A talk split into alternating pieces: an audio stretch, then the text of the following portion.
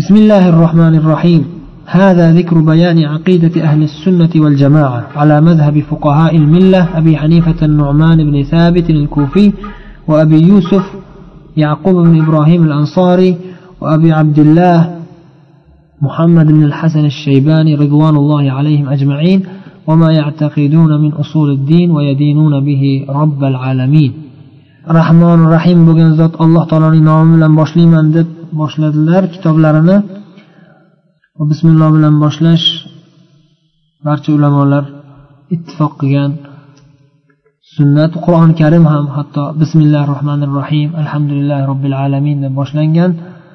Rasululloh sollallohu alayhi vasallam barcha yozgan maktublarida boshida bismillahi rohmanir rohim deb bilan deb boshlardilar. Va ba'zi bir hadislarda keladi bismillah bilan boshlanmagan har bir ish barakasi yo'q kesilgan barakasiz degan ma'nolarni ifoda etadigan hadislar bor. Shuning uchun bismillah bilan boshlashlik ba'zi bir ibodatlarda farz vojib ba'zilarida sunnat. Lekin har bir ishimizda bismillah bilan boshlashga o'rganishimiz kerak. Va shu sunnatga muvofiq tarzda imom tahoviy ham rahimaulloh bismillahi rohmanir rohim dedilar.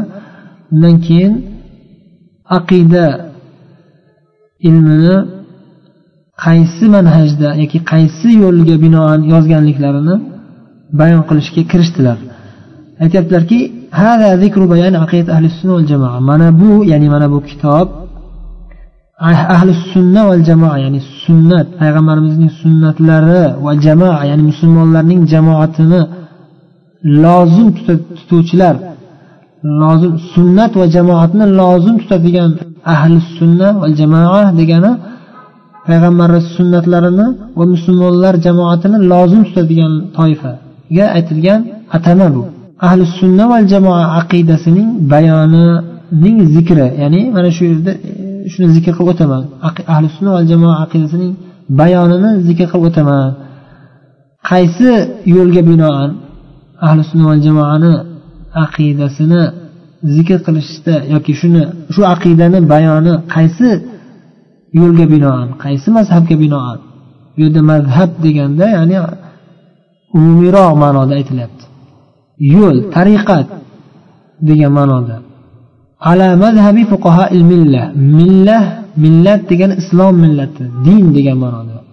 Islom dini bo'yicha fuqaho bo'lgan buyuk ulamo bo'lgan zotlar mazhabiga asoslangan holda shularning tariqatlari shularning yo'llariga binoan ahli sunna va jamoa aqidasining bayon bayonini eslab o'taman zikr qilib o'taman. Ahli sunna va jamoa aqidasini bayon qilib o'taman. Dedilarda keyin islom dini ulamolaridan ba'zilarini o'zlarining ustozlari deb hisoblaydigan o'zlariga ustoz deb hisoblaydigan eng asosiy ulamolardan uchtasini zikr qilib o'tyaptilar. Va maqsadlari faqatgina shu uchta olim islom ulamosi bulardan boshqalar islom ulamosi emas deyish emas. Balki islom ulamolarini ichida eng mashhurlari shular va ulardan boshqalar ham islom ulamolarining barcha barchalari ya'ni islom ahli islom tomonidan e'tirof etilgan haqiqiy ulamolar deb tan olingan ulamolarning barcha barchalari ahli sunna va jamoa mazhabida bo'lishgan.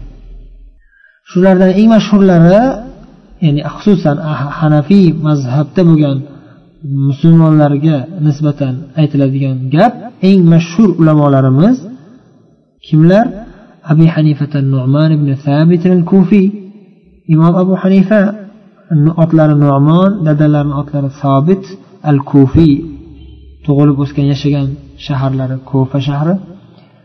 Va abi yusuf yaqub ibn ibrohim al ansoriy imom abu hanifaning eng katta shogirdlaridan birlari abu yusuf otlari yaqub dadalarini otlari ibrohim al ansoriy ya'ni madina munavvarada payg'ambarimiz sallallohu alayhi vasallamni kutib olib u kishiga yordamchi bo'lgan ansorlar ansoriylarning avlodidan bo'lganlar bu kishi abu yusuf ansoriylarning avlodi bo'lgan kishilarni al ansoriy deyiladi.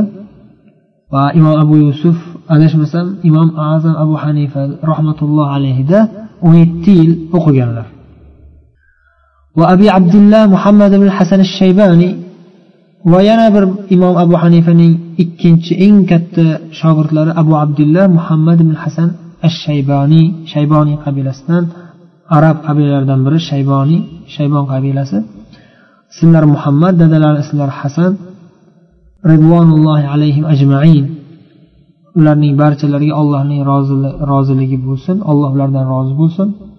Mana shu ulamolar va shular kabi boshqa ulamolarning mazhablari tariqatlariga binoan ahli sunna va jamoani aqidasini bayon qilaman deyaptilar. Va din asoslari borasida ana shu zotlar buyuk ulamolar qanday nimalarni e'tiqod qilishgan din asoslari borasida din asoslari ilmida desak ham bo'ladi nima e'tiqodda bo'lishgan qaysi e'tiqodda bo'lishgan? Barcha olamlarning parvardigori bo'lmish alloh taologa ibodat qilishda yadinun din deb ibodat qilishlarida qanday yo'l tutishgan xususan e'tiqodiy masalalarda demoqchilar. Qanday e'tiqodda bo'lishgan? Ana shularni bayon qilib o'taman deyaptilar mana shu imom tahoviyning muqaddimalari aqida kitoblarini yozishdan oldin aytayotgan bir qisqacha ta'riflari. Bu kitoblarga ta'rif. Shu kitoblarni tanishtiryaptilar. Mana shu kitob aqida kitobi mana bu oldingizda turgan mana bu o'qilayotgan aqida kitobi mana shunday. Ahli sunna va jamoa aqidasining bayoni bu. Va bu ahli sunna jamoa aqidasini bayon qilishda o'zimizdan gapirmaymiz.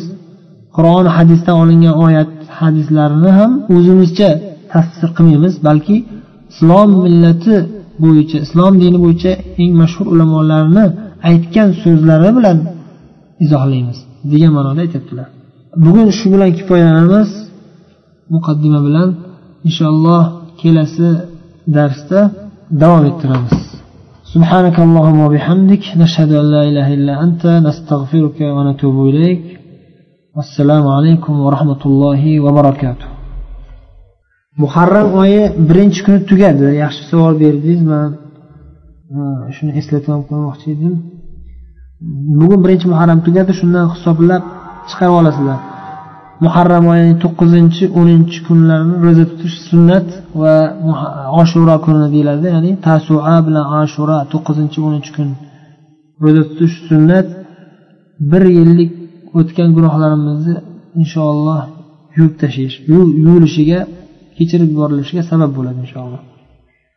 Jazakumulloh xayr barakallohu fikum. Assalomu alaykum va rahmatullohi va barakatuh.